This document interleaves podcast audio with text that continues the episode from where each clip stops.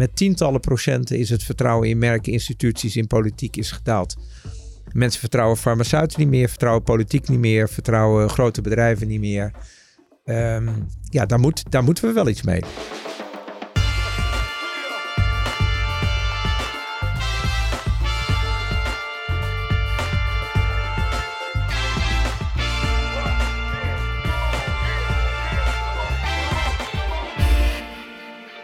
Hallo, goedemorgen, goedemiddag of goede avond wanneer u dit ook luistert. En welkom bij The Brief, de podcast over content, marketing en media. Vandaag is het 1 april, dat is geen grapje. Het is wel tijd voor afleveringetje nummer 52. Aan mijn linkerhand, waarde vriend, goede collega, Matthijs Stielman. Hi. Hoe is het met je? Goed. Ja? Ja. Heb je het warm of koud in onze studio? Uh, ijskoud. Ja? De verwarming doet het hier niet, beste luisteraar. Dus we moeten een beetje behelpen. We gaan, het, uh, we gaan ons best doen om het komende uur uh, er een warme aflevering van te maken. Uh, heb je nog goede content gezien, Matthijs, de afgelopen ja, tijd? Ja, zeker. Vertel.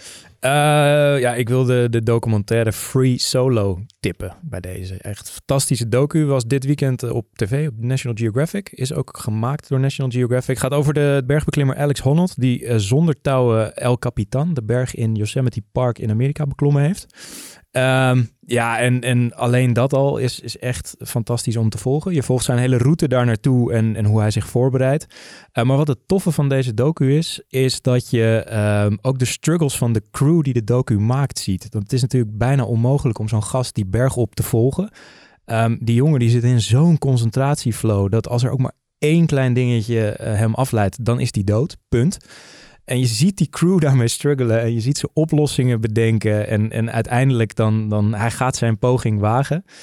Ja, je ziet die gasten hem filmen en, en je ziet die, die gasten gewoon doodsangsten uitstaan. En als, als kijker ga je daar helemaal in mee. En, en... Maar communiceert hij dan ook tijdens die, die nee. zijn er interviewtjes of het is gewoon... Tijdens het klimmen bedoel jij? Ja? Uh, nee, tijdens het klimmen niet. Okay. Hij, is, hij is iets drukker bezig met niet naar beneden donderen, denk ik. Maar het, het, het is fantastisch. Het is, uh, ja, je, je ziet ook zijn vriendin en dan heb je intens medelijden met die vrouw. En je denkt van waarom ben je in godsnaam met deze gozer die die dit soort idioterie gaat doen. En ja, ga hem zien. Het is echt fantastisch. En ja, alleen de beelden van Yosemite Park zijn natuurlijk al geweldig om te zien. Dus dit is een pareltje. Tof. Nog één keer de naam? Hij heet Free Solo. Helemaal goed. Van National, National Geographic. Yes. Zetten we in de show notes. Um, dan gaan we nu naar de gast. Vanzelfsprekend, die zit tegenover ons. Uh, als ik grote merken zeg, dan zegt u Unilever. En als ik Unilever en Media zeg, dan komen we uit bij de man die al bijna een kwart eeuw de titel van Media Director draagt. Daarbij Unilever Media Directeur bij Unilever, Harry Dekker. Goedenavond, goedemorgen, goedemiddag. Jullie houden dat uh, scherp in de gaten. Ne neutraal, begrijp ik. Omnidistributie ja. noemen we dat. Fijn om hier te zijn. Ja, Dankjewel. Is, is het de eerste keer dat je te gast bent in een podcast? Ja, dat is voor mij dus na die, ondanks die kwart eeuw, heb ik het genoeg nog niet gehad. En, okay. en alleen daarom al hartstikke leuk om te doen. En, en luister je zelf podcast als consument zijnde? Ja, daar ben ik eigenlijk laat mee begonnen. Dat is fijn van opgroeiende kinderen. Dus die uh, maak je ook een beetje wegwijs. Uh, met name als ik in de auto zit. Ik heb, uh, ben ook verantwoordelijk voor België. Dus ik rij vaak tussen Rotterdam en Brussel. Nou ja, dat, dat is niet altijd een feestje. Dat kost meer tijd dan je wilt. Dus dan is een podcast is heerlijk. Precies, lekker. Heb je een gouden tip die je nu alvast erin kan slingeren? Van een show die je vet vindt? Ja, dat kan ik wel doen. Nou, dat, dat heb ik je net al meegegeven. Ik vind man, man, man, vind ik, vind ik leuk. Weet je, dat doet mij glimlachen. Top. Ja. Top, leuk, leuk, leuk. We gaan straks verder uh, praten met Harry over Unilever en heel veel andere dingen. Maar van, zoals u van ons gewend bent, gaan we eerst even naar het nieuws.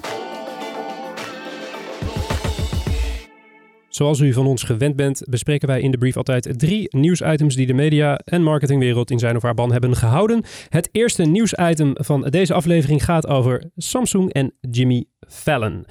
Want wat heeft hij gedaan? En ik zie Matthijs al een beetje zorgelijk kijken, want we gaan hier een discussie over hebben, want ik vind het vet en hij vindt het stom.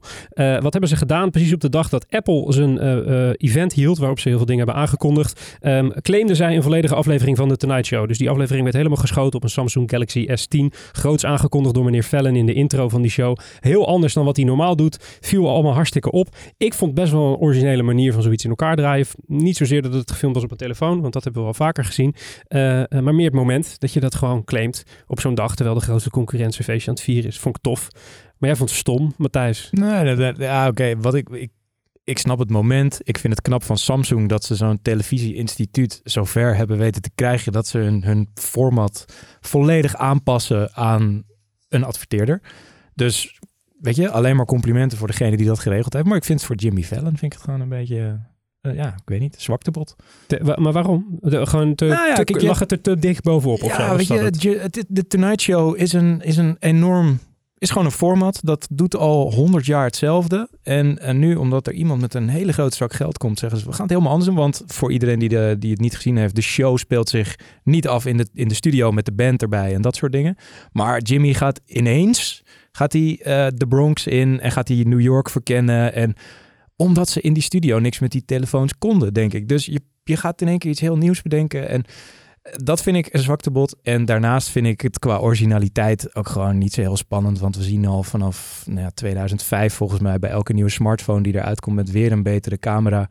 Dat we inmiddels op het niveau zitten dat het zo goed is dat je het verschil niet meer ziet met een gewone echte camera. Ja, oké, maar een adverteerder die dat op primetime een hele aflevering lang een televisieproductie doet met dat, met dat product, met zo'n smartphone, Ja, is dat dat, is wel origineel. is dat origineel of is dat gewoon een hele diepe zak hebben?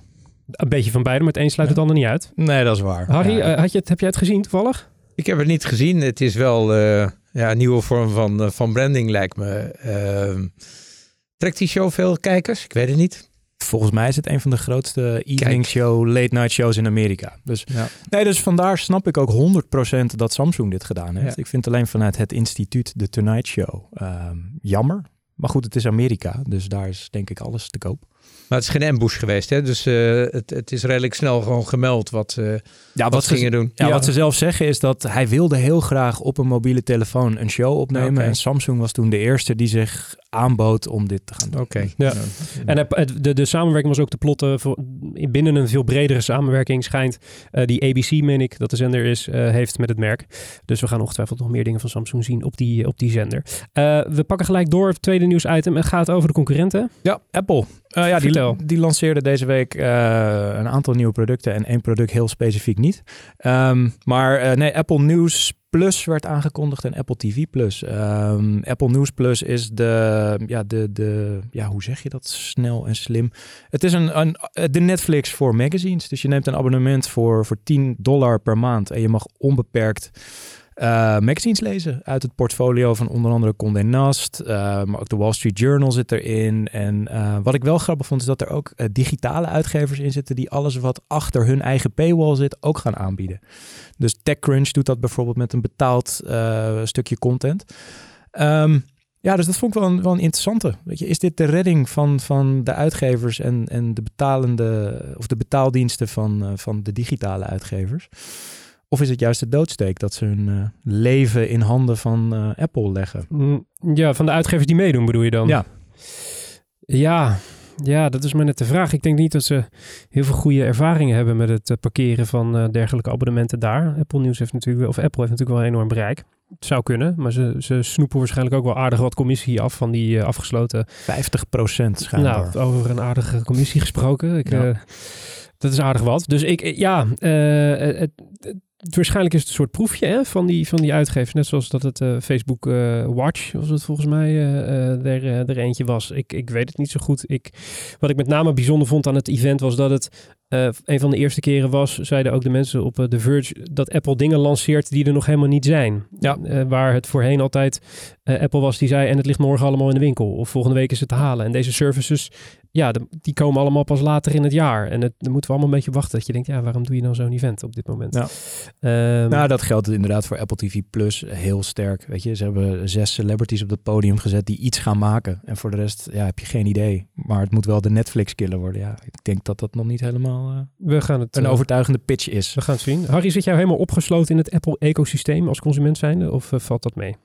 Ik denk dat dat meevalt. Eh, iPhone wel. ehm, nee, dan liggen er nog wat tablets thuis, maar daar houdt het ongeveer wel mee. Hoe, hoe Ja. bezie jij van een afstandje die moves van een Apple en een Facebook om dit soort constructen op te zetten? Om exploitanten in te vangen, om het zo maar te zeggen? Nou ja, het is duidelijk dat, dat die publishers, eh, de kracht van die publishers is die content. En eh, ik probeer me altijd te verplaatsen in een content eh, producer. Als je hele mooie dingen maakt en het vindt zijn weg niet naar het grote publiek, dat is natuurlijk ook vrij verdrietig. Dus die platformen kunnen je wel helpen om dat publiek te ontsluiten. En dat is voor ons ook interessant, want ja, je praat hier over een bepaalde vorm van content, maar bij ons gaat het over commerciële content. En ook dat is onze uitdaging. Weet je, hoe vinden we de juiste mensen ook in, de voldoen, in, in voldoende aantallen? Dus het is het proefballonnetje waard om het zo maar. Ja, ik denk dat je sowieso in een wereld leeft waarin je heel veel moet, moet experimenteren. Hè? Het build, measure, learn. En uh, de tijd van dingen helemaal uitdenken met uh, veel van varen naar de markt brengen. En uh, hopen en bidden dat het goed gaat, is ook voorbij. Dus onderweg gewoon ontdekken wat werkt en niet werkt. Ja. Nou, nu, nu je dat zo zegt, vind ik, ben ik ook wel benieuwd of um, de advertenties blijven bestaan ja, in, in de magazines. Weet je, een Vogue die wordt grotendeels vaak gekocht voor de, de advertising die erin staat. Want die is altijd prachtig en mooi geproduceerd. Maar gaat Apple dat dan laten staan in zo'n Apple News Plus? Dat lijkt me toch wel. Ja, betaalde nieuwsdienst. Ja, maar ja, de, de, sloop het er allemaal eens uit en kijk naar de consumentervaring, wat je dan overhoudt. Dat kan niet. Dat kan niet. Nee, dat, kan bijna niet. Nee, maar die, die, dat, die proefballonnetjes, dat, dat, daar zit natuurlijk wel wat in. Uh, Facebook wil nu ook, lazen we echt vandaag, uh, publishers, uh, die zouden ze willen gaan betalen om content te delen via een speciale nieuws tab. Waar, Zuckerberg vorig jaar nog zei, er komt veel minder nieuws op Facebook. Is het nu ineens, we gaan exportanten toch een plekje bieden en daar ook voor betalen. Dus ehm, we gaan het zien wat daar allemaal gaat gebeuren. Gaan we het straks langer in het interview over hebben, vanzelfsprekend over de grote Googles en de Facebooks van deze wereld wereld. Uh, we sluiten ook het nieuwsinterview uh, af met, uh, met Facebook of met de Zuck, zoals, we hem, zoals we hmm. hem noemen. die heeft namelijk gevraagd aan overheden om mee te helpen met het controleren van internetcontent. We hebben het natuurlijk over Mark Zuckerberg. Um, die heeft toegegeven in een open brief in de Washington Post dat ze het niet alleen kunnen, de technologiepartijen, al dat controle, alle controle op al die content die de wereld uitvliegt. En hij geeft in die open brief toe dat er veel te veel controle is bij Facebook over de meningsuiting. Dat, dat, dat het eigenlijk best wel tricky is dat hij zoveel macht heeft met zijn bedrijf. Um, hij stelt een aantal dingen voor, waaronder uh, betere bescherming uh, vanuit wetgeving voor verkiezingen, wereldwijde privacywetten, dus een algemene standaard daarvoor, en, en verplichte transpa transparantierapporten voor grote technische platforms. Een aantal soort van beleidsmatige proefballonnetjes die, uh, die overheden dan eventueel zouden kunnen overnemen. Uh, de grote vraag is natuurlijk bij deze open brief, geloven we meneer Zuckerberg of is hij driftig bezig om zijn eigen straatje uh, schoon te vegen? Matthijs, wat is jouw gevoel? Het laatste straatje schoonvegen. Nou ja, weet je, ik heb zoiets van, ik, ik snap dat je er niet helemaal meer uitkomt, maar dit speelt natuurlijk al extreem lang. Um, door dit nu te roepen, legt hij de verantwoordelijkheid eigenlijk neer, of zou hij de verantwoordelijkheid eigenlijk graag neer willen leggen bij de lokale uh, overheden. Maar volgens mij weet, je, weet hij ook prima dat het nou, bijna onmogelijk is om wereldwijde uh, regelt. Kijk hoe moeilijk het is om in de EU wetten er doorheen te krijgen. En dat is een instituut wat daarvoor gebouwd is. Dan wil hij dat we dat over de hele wereld gaan doen. Dat lijkt me heel erg onmogelijk. En um, ja, hoeveel makkelijker is het voor hem om zelf zijn verantwoordelijkheid te pakken. Uh, te zeggen van dit is mijn platform, dit zijn de regels, hou je je daar niet aan, dan ben je niet welkom. En, en veel ingewikkelder dan dat is het volgens mij niet.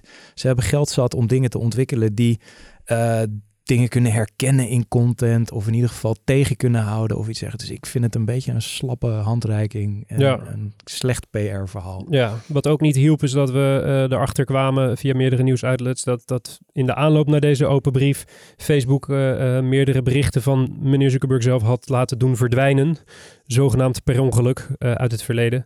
Um, wat toch wel bijzonder is, want als je je Facebook-account wil verwijderen, dan ben je ellenlang bezig om uiteindelijk die knop te vinden. En zij raken gewoon uh, specifieke posts uit meerdere jaren kwijt. is toch knap. Ik ben benieuwd ja. waar die knop zit. Nou ja, en de timing is natuurlijk overduidelijk na de ellende uit Nieuw-Zeeland. Uh, dat er nu iets gezegd moet worden. En ja, het is, het is iets het is niet iets te doorzichtig, het is gewoon verschrikkelijk doorzichtig. Precies, met deze positieve noot zijn we aan het einde gekomen van het nieuwsinterview, van het nieuwsoverzicht moet ik zeggen. Uh, mocht u nou iets gehoord hebben wat u interessant vindt of wat u in de, in de, in de loop van het interview uh, interessant vindt, dan um, zetten wij alle verwijzingen in de show notes. Die vond u normaliter op een hele lange website. Die plaatsen we voor nu voor het gemak gewoon in de beschrijving van deze aflevering. Hartstikke makkelijk, alles op een rijtje, alles waar we naar refereren. Um, dat gezegd hebbende gaan we nu naar het interview, maar eerst even dit. Inmiddels weet je waarschijnlijk wel dat de brief gemaakt wordt door Wayne Parker Kent. Daar werk ik en daar werkt Matthijs. En, en wellicht werk jij binnenkort ook bij ons. Want we zoeken non-stop nieuwe talentvolle mensen die ons komen versterken. Dus ben je een mediastrateeg, accountmanager, redacteur, copywriter, designer, developer, projectmanager, videoproducer. Zoek je een stage, een fulltime job, parttime job, freelance job of heb je gewoon een vet idee? Uh, whatever, dan zijn we wellicht dus op zoek naar jou en zouden we graag een kopje koffie met je drinken. Alle openstaande vacatures vind je op wayneparkerkent.com slash jobs. En wat je ook kan doen is klikken op het linkje in de beschrijving van deze aflevering.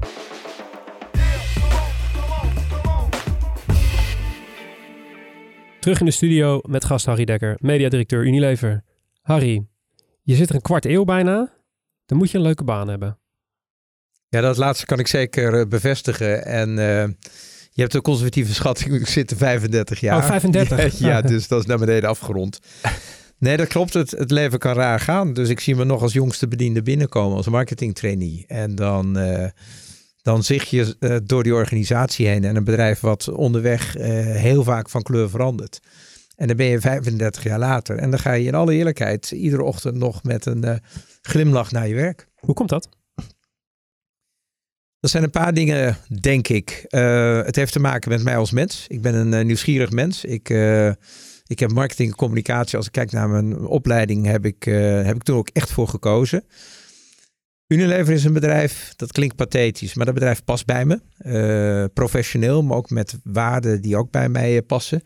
En dan ja, al die veranderingen waar we het met elkaar over hebben, die je gewoon, gewoon dwingen om iedere keer die keuze te maken. Wil ik daar onderdeel van zijn of niet? En nou, ik gaf al aan, ik ben nieuwsgierig. Dus mijn volmondige antwoord is altijd geweest, ik wil er onderdeel van zijn.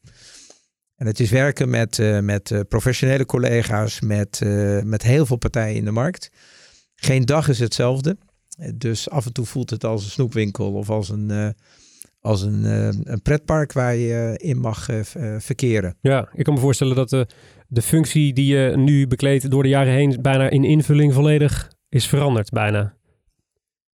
Ja, de invulling wel, terwijl een aantal basisprincipes zijn hetzelfde. Kijk, mijn opleiding is marketing geweest en heel snelle focus op marketing communicatie. En wat ik altijd zeg, een merk ontstaat niet, dat pretenderen we soms. Een merk ontstaat niet op een kantoor of in een fabriek. Een merk ontstaat in het hoofd en het, hart van mensen. Die bepalen of jij de moeite waard bent. En uh, dat betekent dus, je hebt, je hebt, die mensen moet je ook echt iets bieden.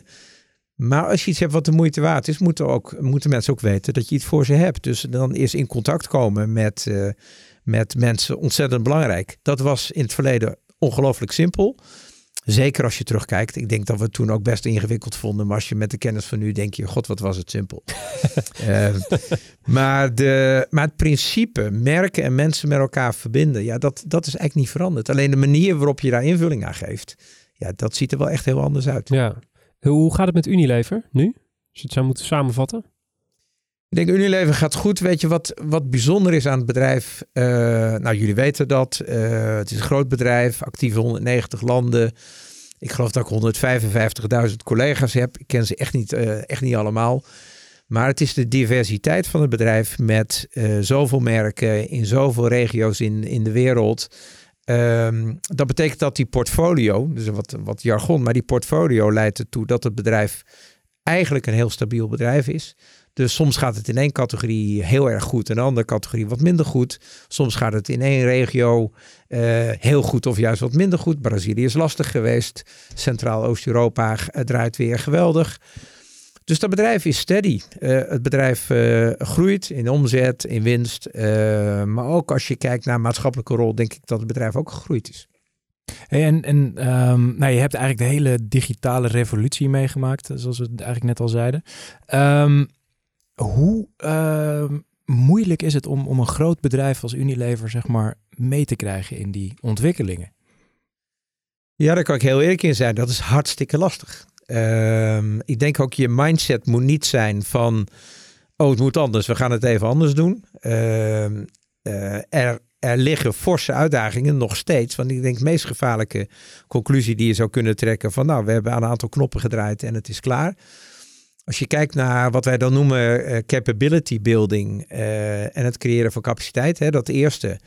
Beschik je nou echt over de, de capability als bedrijf? Hè, resultaat uit het verleden, geen garantie voor de toekomst. Alles wat je in het verleden hebt gedaan was goed. Maar dingen moeten anders. Nou, ben je in staat als bedrijf om het echt anders te doen? Dan heb je natuurlijk ook een legacy. Uh, ik ben zelf marketeer van origine. Uh, ik zou mezelf als een klassieke alfa-marketeer uh, betitelen. En nu zie je, bestempelen. En nu zie je dat je andere marketeers, andere collega's krijgt. De meer data gedreven. Ja, ja, en dat is fantastisch. En met name die blend van mensen is, uh, is fantastisch. Ik geloof niet in een monomane organisatie. Maar als je me vraagt, is dat, is dat makkelijk? nee, het is niet makkelijk. Maar wat wel weer helpt, als je consumer-centric bent hè, in slecht Nederlands en je stelt die consument centraal en, en je bent deel van de wereld waarin je leeft, dan zie je dat er zo anders uh, geïnformeerd, gecommuniceerd wordt. Ja, als je jezelf niet op afstand wil plaatsen, moet je daar gewoon onderdeel van zijn en blijven. En dat betekent dat er zit heel diep in het bedrijf het commitment om daar onderdeel van te zijn en ook daar succesvol te zijn. Dus dat zijn ontwikkelingsprogramma's om die organisatie op capabilities en ook op capaciteit uh, daar uh, klaar voor te maken. En dat zal nooit stoppen. Uh, maar dat maakt je, je, eerste vraag, weet je, hoe leuk, hoe is het om daar al zo lang onderdeel van te zijn? Dat maakt het dus ook zo leuk. En hoe hou je jezelf scherp, zeg maar, als het over, over dat soort ontwikkelingen gaat? Om te beginnen, niet pretenderen dat je het weet. Ehm, dat klinkt wat muppetachtig, maar het mooie van ouder worden is ook dat uh, er is minder angst en, en, en je hebt dus ook minder aarzeling om toe te geven, leg, leg het me maar uit, ik weet het niet. Ik denk wel dat uh, gezond verstand, een stuk intuïtie, heel goed kijken en luisteren naar andere mensen, uh, proberen, experimenteren. Ik ben niet iemand van boeken of seminars of dat soort dingen. Ik, ehm, ik vind het heel lekker om het gewoon te ondergaan, mee te maken. En uh, ja, dat is eh, de manier waarop ik probeer uh, bij te blijven. En als je kijkt om je, je zei het net al zelf, je, je, bent, je betitelt jezelf een alpha-marketeer. Is er een bepaalde vaardigheid die je zelf niet in de vingers hebt, waarbij je, waarvoor je eigenlijk uh, een teamgenoot nodig hebt? Dus je, je zwakke kant, om het, om het zo maar te zeggen, waar je een evenknie voor nodig hebt in je team? Oei, um, ja, een alpha marketeer. Ik denk wat als ik terugkijk, soms weet je, weet je, weet je niet dat je dat hebt. Mensen hebben mij wel eens bestempeld als een systeemdenker. En ik denk als je kijkt in de wereld waarin we leven met fragmentatie op alle gebieden. Of het nou kanalen zijn, content, audiences, uh, vul het allemaal maar in. Dan is het wel belangrijk dat je al die stukjes in, in een totaal verband kunt zien. Dus ik denk dat ik wel ben uitgerust, dat is mijn mazzel met uh, goed systema systematisch kunnen denken, in systemen kunnen denken, in verbindingen kunnen, kunnen denken. Um, wat wel waar is, is uh, het helpt natuurlijk als je zelf ook als consument heel veel dingen ondergaat. En er zijn zaken, ik heb een collega, hij werkt nu niet meer bij ons. Ik wil zijn naam wel noemen en dan moet de rest maar raden wie het is. Dat is Philip. Dat was een absolute uh, freak gepassioneerd op gebied van gaming. Uh, nou, dat heb ik nooit gedaan. Dus uh, als wij keken naar de rol die games zouden kunnen spelen, ja, dan keek ik Philip verwachtingsvol aan en hoopte ik dat hij dat hij me daarbij kon helpen of daar een mening over had.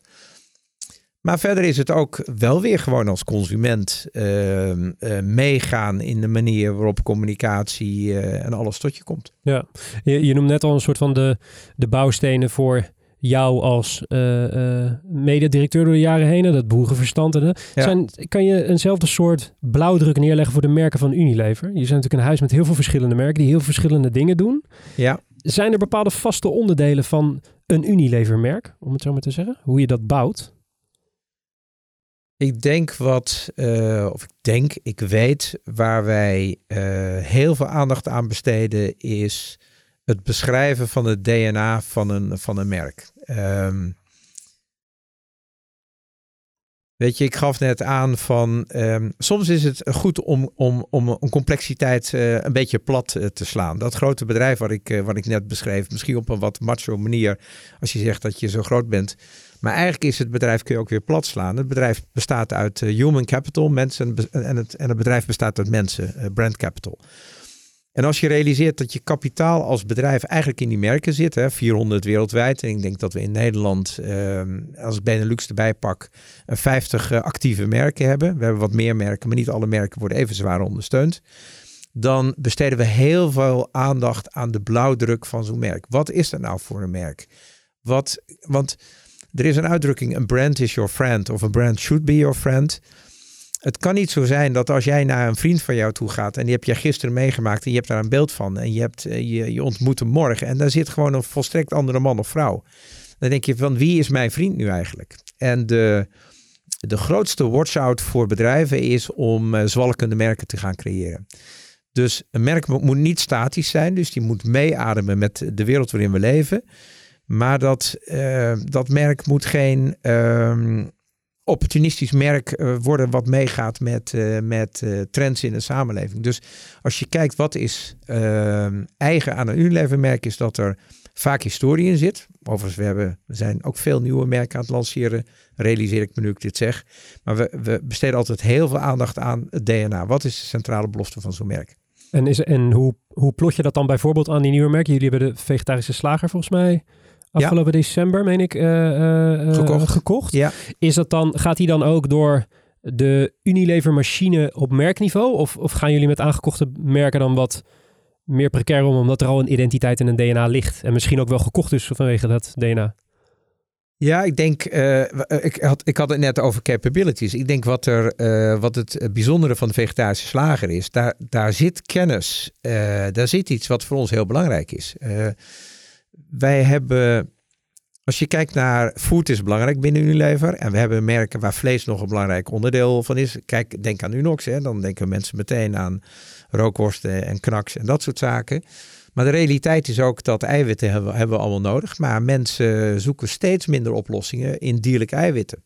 Dus je zult in een wereld, als je de wereld van op lange termijn van eiwitten wilt voorzien, zul je dus naar andere eiwitvormen uh, moeten gaan. Nou, wat, uh, wat de uitdaging vaak is, op het moment dat je van vlees, dierlijke eiwitten naar uh, plantaardige eiwitten gaat, dan is de, de, de beleving vaak een hele andere. Weet je, mensen vinden het niet lekker. Uh, het, het heeft een textuur uh, die ze niet bevalt. Wat vegetarische slager heel knap gedaan heeft. En daar zit echt een, een, een, een, cap, een capability. Die weten hoe ze een echt goed alternatief voor dierlijke eiwitten kunnen ontwikkelen. En dat hebben ze laten zien. Dat hebben ze op de markt gebracht. Dus je koopt. Dus die aankoop is niet uh, alleen bedoeld om een merk vegetarische slager uh, in huis te halen. Maar daar gaat een heel groot gedeelte van Unilever Foodsportfolio gaat daar heel veel van leren. Precies. En is het dan als je een, een merk als de vegetarische slager koopt, wat een relatief klein merk is, en ze zijn al groot natuurlijk, ja. heeft dat impact op de manier hoe je zo'n merk wegzet in media nu in de komende toekomst? Ben je dan wat voorzichtiger om zo'n merk de markt in te duwen verder? Met als angst dat het misschien als te plat wordt gezien? Nee, ik denk dat uh, in de volgorde denk ik dat je op korte termijn van vegetarische slagen vanuit Unilever niet zo heel veel zult horen. Um, ik vergelijk het een beetje met een merk. Ik weet niet eens meer wanneer we het geacquireerd hebben. Ben Jerry. Uh, wat, wat een icoon is in, onze, in de ice cream uh, markt. En uh, vaak ook, dat is bijzonder, haast anarchistisch opereert binnen een grote multinational. Daarvan hebben de, de oorspronkelijke eigenaren en oprichters ook bedongen dat ze een status aparte zouden houden. Je ziet dat de, uh, dat de, de oprichter van vegetarische slager, uh, die doet dit niet alleen om snel geld te verdienen. Die gaat er ook vanuit dat zijn gedachtegoed krijgt meer tractie binnen de muren van een groot bedrijf. Dus uh, hij heeft een droom of, of, of passief commitment om de wereld anders te laten eten. Daar kunnen wij hem bij helpen. Maar dat betekent dat ja, je mag dat niet verdunnen of uh, met, met een klassieke Unilever approach. Ik denk sowieso dat het goed is. Hij, uh, hij zal veel interactie met, uh, of vegetarische bedrijf, veel interactie hebben met onze marketingteams.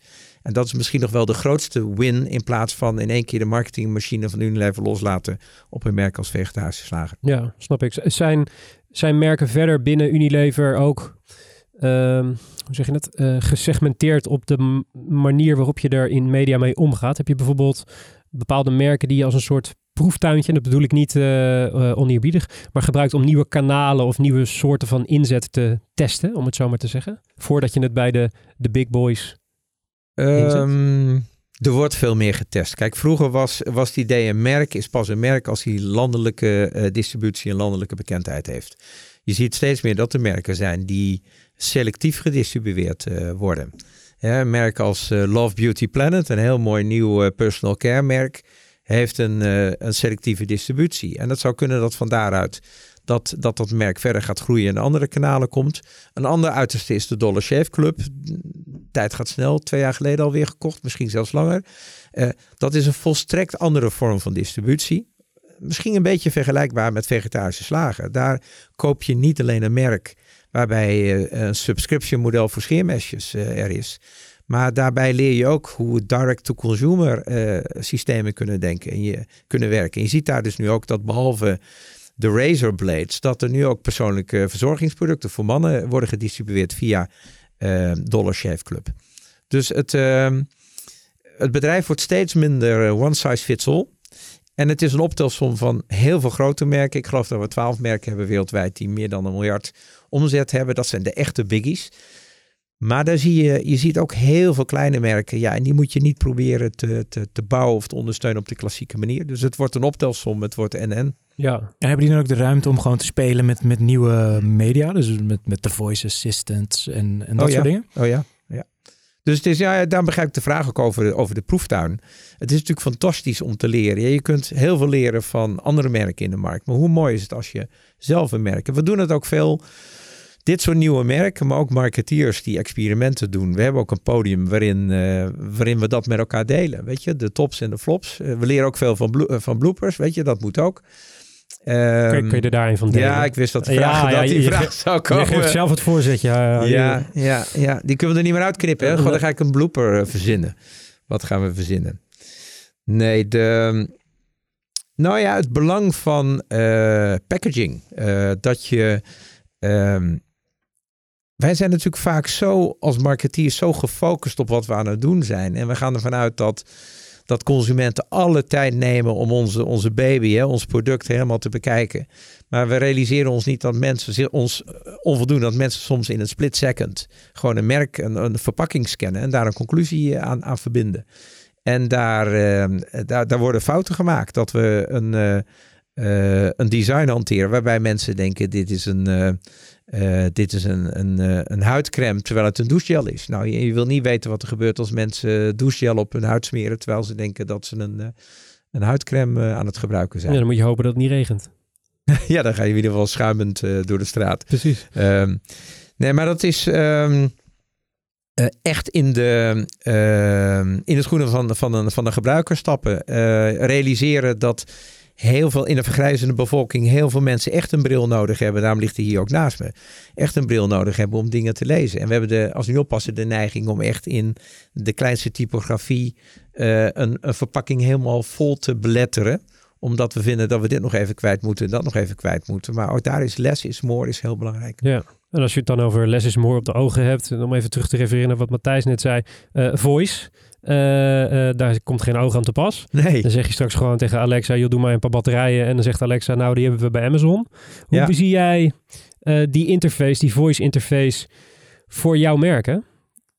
Die verliezen natuurlijk een hoop van hun omgeving, hun uiterlijk. Ja. verdwijnt eigenlijk in die interface. De, de, de platformen die die interface controleren, hebben vaak misschien nog wel een webshopje waar ze hun producten Ja. eh, eh, wat verder naar voren kunnen pushen dan de Unilever producten. Hoe zie jij die ontwikkeling? Is dat, is dat iets wat jullie nu nog beschouwen als een soort eh, experiment, experimenteel veld? Of ben je al bezig met het voorsorteren op het verdwijnen van het gezicht van je merken? Ja, daar wordt wel op voorgesorteerd. Dus we hebben samen met een, een, ehm, een business partner van ons, Kruidvat, hebben we bijvoorbeeld voor haarverzorging hebben we daar experimenten eh, mee gedaan. Op het gebied van voeding gebeurt daar veel, zeker als je praat over recipes. Hè. Dus het kan zo zijn dat, eh, dat mensen gewoon roepen van dit heb ik in huis en eh, geef me een menusuggestie. Ehm, je zult ook zien dat merken ook, ook steeds meer in een ehm, slecht Nederlands enabling rol, faciliterende rol terechtkomen naar, naar mensen toe. Kijk, we gaan er nu vanuit, jij hebt een, een, uh, een maaltijdprobleem of het klassieke wat eten we vandaag. Weet je, wat, wat natuurlijk eigenlijk een fantastische one-liner is. Want die vraag die wordt echt iedere dag in, in miljoenen huishoudingen gesteld. Of door miljoenen mensen wordt die vraag gesteld. Wat eten we vandaag? Mensen zijn op zoek naar inspiratie, oplossingen en... Uh, uh, ja, ik zie in een voice-achtige omgeving mensen die vragen ook stellen. En die, en die worden dan door een menu heen geloodst waar je onderdeel van wil zijn. De enige manier, denk ik, waarop je daar je merk een goede plek kunt geven, uh, is vanuit relevantie. Dus dat jij als merk uh, de betere oplossingen hebt. Uh, in het geval van voeding, de betere menusuggesties hebt. Die consument beter leert kennen. Um, het wordt dus harder werken. Ja, dus het is niet meer alleen maar de, de etalage, maar ook meteen uh, de winkelmedewerker in die voice Ja, dat zeg je mooi. Dat zeg je mooi. En dan de kracht van, uh, van uh, audio. hoe noem je dat vroeger? De jingle of de, Kijk naar uh, Unox en, en, en de, de tune uh, Toet Stielemans, weet je. Dus er is geen merk wat zo snel die geheugenlaadjes opentrekt in je hoofd dan met die paar tonen van, van, van, van Toet Stielemans. En, en merken zullen dus meer na moeten denken, niet over hun visuele identity, maar ook uh, na moeten denken over een uh, auditieve identity. Ja, en, en hoe bezie jij dan de, de rol van de partijen die die kanalen controleren? We stonden er net tijdens het nieuws al een beetje bij stil. Hè? De, de, de Alexa is niet van Unilever, maar van meneer, uh, van meneer Bezos. Die bepaalt straks hoe, hoe, hoe fantastisch je applicatie ook is voor André Lon, meen ik, hè, waar jullie die ja, die hebben klopt, gedaan. Klopt. hoe fantastisch die applicatie ook is. Er zit altijd een, een, een bepaalde maat van voorsorteren die buiten jou macht ligt eigenlijk. Ja, hè? ja. Um, hoe, hoe bezie jij dat? De macht over die kanalen? Is dat een, een gevaar? Of heb je zoiets van, nou ja, we, we bespelen gewoon zoveel mogelijk kanalen en, en servicen de consument. En dan, als we dat goed doen, dan komen we vanzelf op bovendrijven. Nou ja, niet, niet, niet kiezen voor één kanaal is sowieso. Uh, je moet sowieso niet voor één kanaal kiezen. Um, ja, even naar die grote partijen toe. Want dat, um, dat herken ik wel. Kijk, uiteindelijk die grote platformen, want daar doel je op, daar zit um, heel veel macht, kun je zeggen, maar daar zit ook kwetsbaarheid. Um, je ziet dat, nou ja, je, een van jullie refereerde net aan dat vreselijke uh, gebeurtenis daar in Nieuw-Zeeland.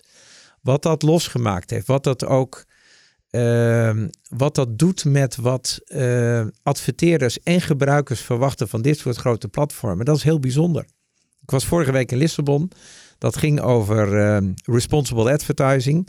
Daar heb ik echt gezien dat grote adverteerders, de honderd grootste adverteerders die uh, verenigd zijn binnen de, de World Federation of Advertisers, hebben ook echt aangegeven van de grote digitale spelers hebben hier een verantwoordelijkheid te pakken. En het kan niet zo zijn dat je, was het bijna een half uur lang, livestreams hebt met beelden waar je niet naar wilt kijken.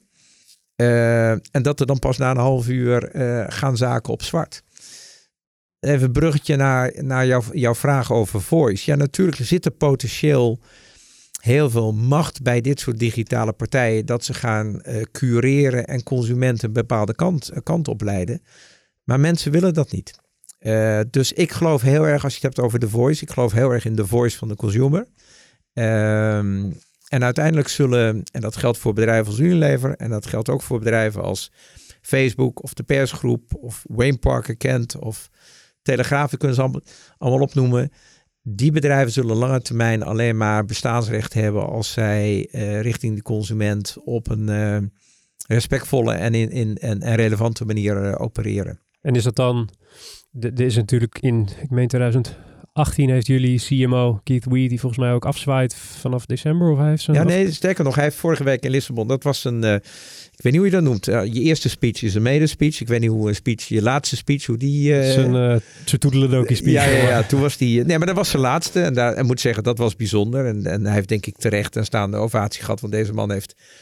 Heeft niet alleen voor Unilever, maar veel voor het vak betekend. Uh, zeer vocaal geweest op dingen uh, die, die belangrijk zijn. En dan ben ik je vraag even kwijt. Nou, waar, waar, ik, waar ik heen wilde was... Uh, uh, je zei die, die platformen moeten uh, die moeten iets aanpassen. Die moeten ja. richting de consument respectvol, transparant zijn. Daar adverteerders. Ja. Daar. Uh, hij was een van de, de voorvechters van die boodschap. Hè? Het ja. gezicht bijna van die, de movement samen met Mark Pritchard misschien een beetje van uh, Proctor. Um, die riep, jullie Simo riep vorig jaar begin, er moet iets veranderen. Anders komen er budgetten die we wellicht terug gaan trekken. Later nuanceerde die dat verhaal een heel klein beetje. Maar is dat een ultimatum waar je het op ziet afstevenen? Dat, dat adverteerders gezamenlijk zeggen: jongens, bekijk het maar. Is dat een luxe die je kan hebben? Of uh, kan nemen, om zo maar te zeggen? Nou, los of het de luxe is. De, de vraag is: hoe, wat voor rol wil je zelf spelen? Kijk, er is een. Uh, het grote thema in Lissabon de afgelopen week dat ging over uh, trust. En even terug naar uh, a brand is, is, is, is a friend. A, jouw vriend kan niet iedere keer van, van gedaante verwisselen, want dan heb je geen vriend meer, dan heb je een chameleon.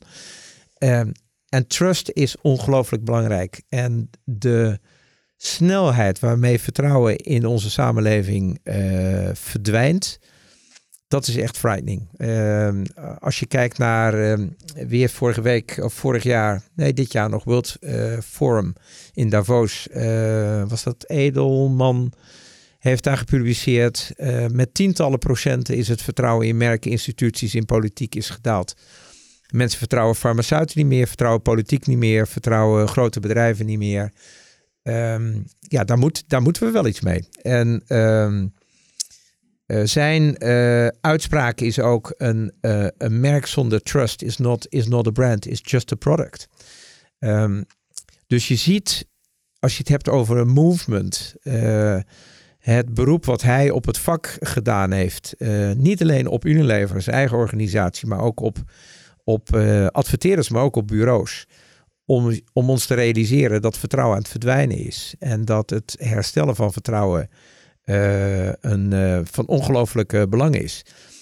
Dat, ehm, daarvan heb ik gemerkt in, in Lissabon dat dat heel erg resoneert in, in de breedte van het vakgebied. En daar zie je dus ook bureaus, grote adverteerders, die, die scharen zich. Dat is ook de reden waarom we daar uh, vorige week een, ook een nieuw initiatief hebben gelanceerd. Want kijk, je hebt gelijk. Je kunt stemmen met je dollars, uh, zoals de Amerikanen dat zouden zeggen. Um, ja, ik denk dat we dat nu ook gaan doen. Wat hij wilde voorkomen is heel macho zeggen van... als ze niet doen wat we zeggen, dan trekken we ons geld terug. De ervaring leert dat partijen dat dan met heel veel bravoure roepen. Maar op de achtergrond zijpelt het geld dan toch weer bij die partijen naar binnen. En wat we, de aankondiging die we, die we daar vorige week hebben gedaan, is wat wij het uh, uh, onder de vlag van uh, Responsible Advertising hebben gelanceerd. Dat is het, het Trusted Publisher Network. Waarbij Unilever zegt, wij geven alle publishers die op die elementen van brand safety en andere zaken hun zaak goed voor elkaar hebben, die krijgen een eh, above fair share op de advertentiebudgetten. En dat betekent niet dat je zegt we stoppen met iedereen, we gaan nog alleen maar bij, met die of die werken. Maar je zult zien dat je een migratie krijgt van uh, euro's dan in ons geval, naar publishers die dat stuk uh, op orde hebben.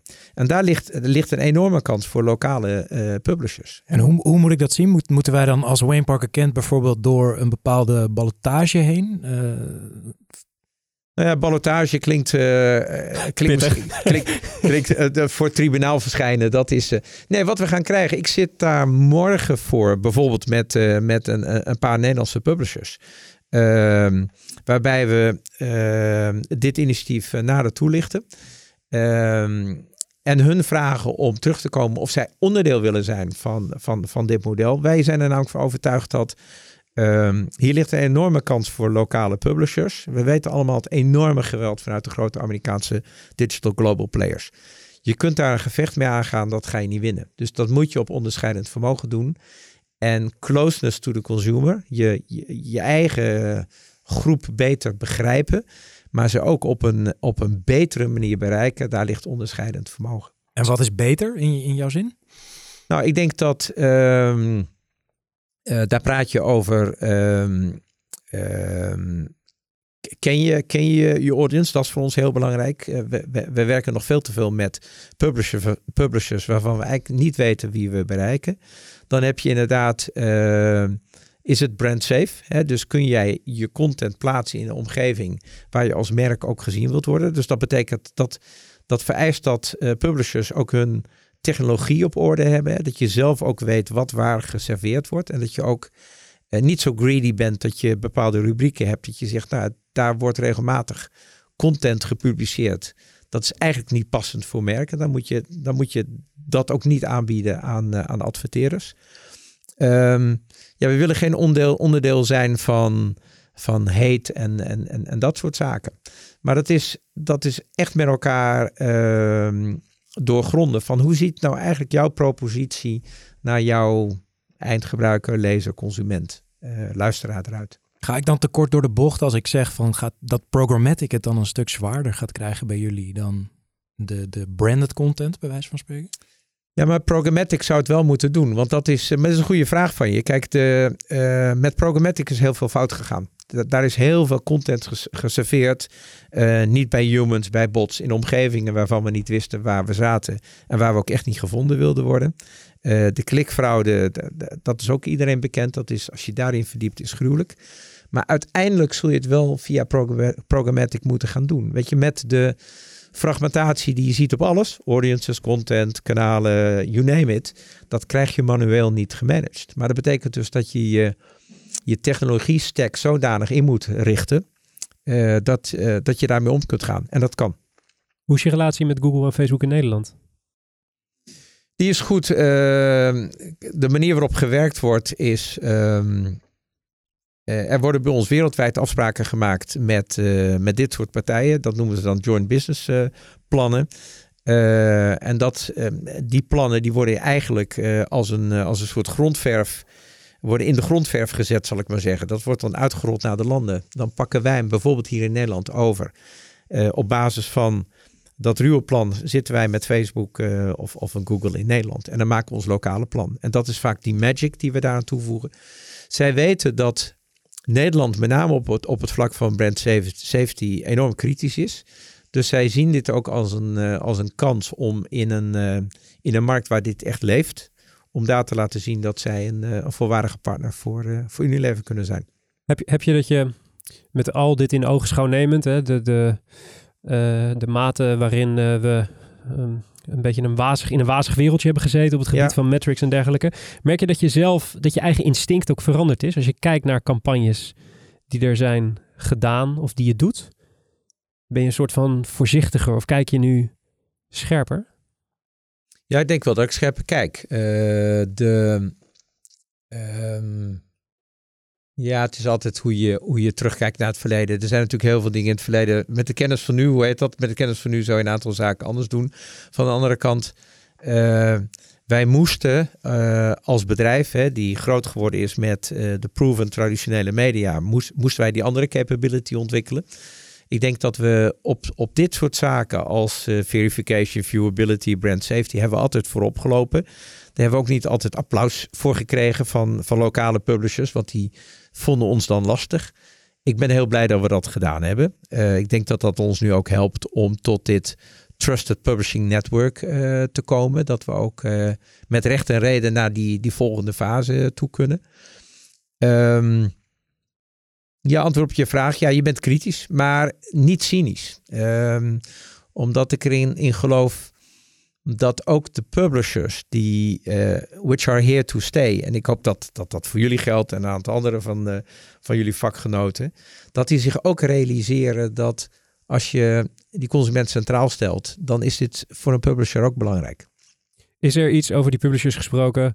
Ja, jij ziet dat natuurlijk vanaf de andere kant van het speelveld. Wij horen bij de exploitanten, jij ja. bij de adverteerders. Stel, uh, je had aan het roer gestaan van een van de exportanten. Los van zich aansluiten op dat, publish, dat Trusted Publisher Network van Unilever. Wat zou een van de strategische keuzes zijn die jij zou maken? Als, als... Nou, ik denk volgens mij zit die... Uh, zit dat ook in de groep van Mediahuis, toch? NSC. Uh, ja. Eh, ik, ik, ik denk dat daar een aantal uh, vanuit uh, visie en leiderschap een aantal beslissingen genomen zijn die goede beslissingen zijn. Of het nou vanuit de redactie is, hè, waarbij ze volgens mij een van de eerste zijn die heel kritisch naar zichzelf geweest zijn. Ook met een soort van ombudsman. Om op een gegeven moment gewoon te vertellen van hier hebben we dingen gedaan die hadden we anders moeten doen. Maar ook in uh, de keuze van ga je wel of niet mee in programmatic. Ehm, en, en zijn we klaar voor programmatic op de manier waarop het spel nu gespeeld wordt. Ik denk dus laat je niet leiden door, uh, door angst of, uh, of gretigheid. En begrijp me goed hoor, ik, ik ben me ervan bewust hoeveel druk er op, op de revenues van, van publishers heeft gestaan. Maar als je er voor een langere termijn in zit, en daarom denk ik dat ook de, de nieuwe aandeelhouders die jullie in dit huis hebben je daarbij bij gaat helpen. Als je er voor de lange termijn in zit, dan, dan moet je dit ook willen. En voor Unilever een, een een utopisch scenario. Je zei net al, ik ben niet, ik ben niet cynisch. Uh, uh, hoe, ziet de advertentiemarkt er over vijf jaar uit? Als alles zo gaat zoals jij het zo graag zou willen? Ik denk dat, het, dat je een enorme shift krijgt van kwantiteit naar kwaliteit. En dan krijg je de vraag, wat is kwaliteit? Maar er zit natuurlijk, ja, er zit Ehm, heel veel spray en, eh, en pray eh, gehalte, hoog eh, spray en pray gehalte nog steeds in wat we, wat we doen.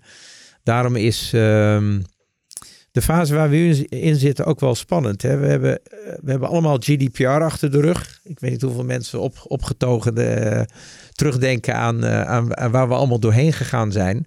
Maar in de kern is dat prima. Wat je nu alleen wel ziet is, je ziet een soort verkramping in het hele systeem om ehm, eh, vanuit consent goed vast te leggen van wie, wie is jouw lezer, kijker of gebruiker nu eigenlijk. En ik denk dat we met elkaar moeten doen is heel veel aandacht besteden aan die eindgebruiker een uh, gezicht tussen geven, want dat gaat je helpen om die personen beter te kunnen bedienen.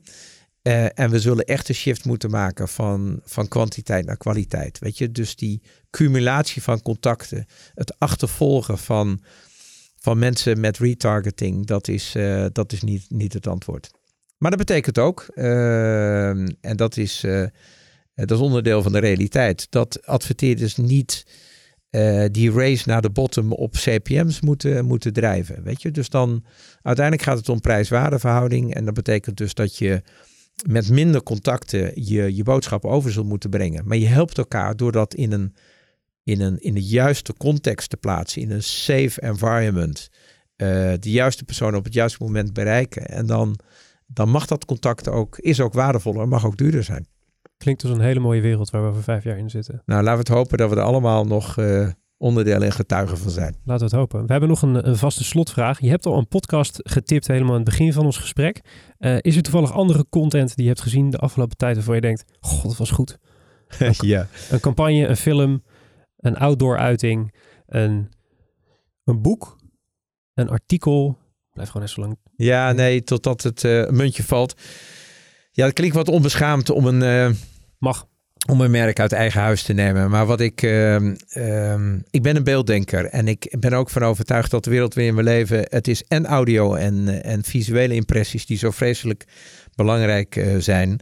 Uh, ik blijf het heel mooi vinden als, eh, dat een merk als Ben Jerry uit ons eigen huis, die heeft een beeldtaal ontwikkeld dat als je door je oogharen heen kijkt, dan weet je waar het over gaat. En ik kan altijd weer genieten van heel serieus, maar ook met heel veel humor hoe dat merk ehm, zichzelf presenteert. Of het nou in packaging is of dat het in een, in een campagne is. dus ja, dan, dan gaat mijn stem toch uit naar een van onze eigen love babies. En dat is Ben Jerry. Genoteerd. Ja. Media director bij Unilever, Harry Dekker. Matthijs. Yes. Wat vond je ervan? Ik vond het gezellig. Kijk, kom je snel weer? Uh, ja, zeker. Over zo'n week of twee? Ja, zeker. Helemaal goed. Zien we je dan. Mocht u nou iets gehoord hebben in deze aflevering van u denkt... hey, dat was leuk. Dan kunt u dat opzoeken in de show notes. Die vindt u in de beschrijving van deze aflevering. De brief wordt gemaakt, zoals iedere editie, door Wayne Parker Kent. Onze mediapartners zijn Adformatie en BNR Nieuwsradio. Productie is in de handen van de onvolprezen Kevin Eiken. Die heeft geen microfoon, maar die gaat wel wat zeggen. Redactie wordt gedaan door Wesley Embrechts. Heeft ook geen microfoon en die gaat ook wat zeggen. Volgende aflevering is over twee weken. Te gast dan is hoofdredacteur van De Telegraaf, Paul Jansen. We zien u dan. Mijn naam is Mark Schoones. Tot de volgende keer.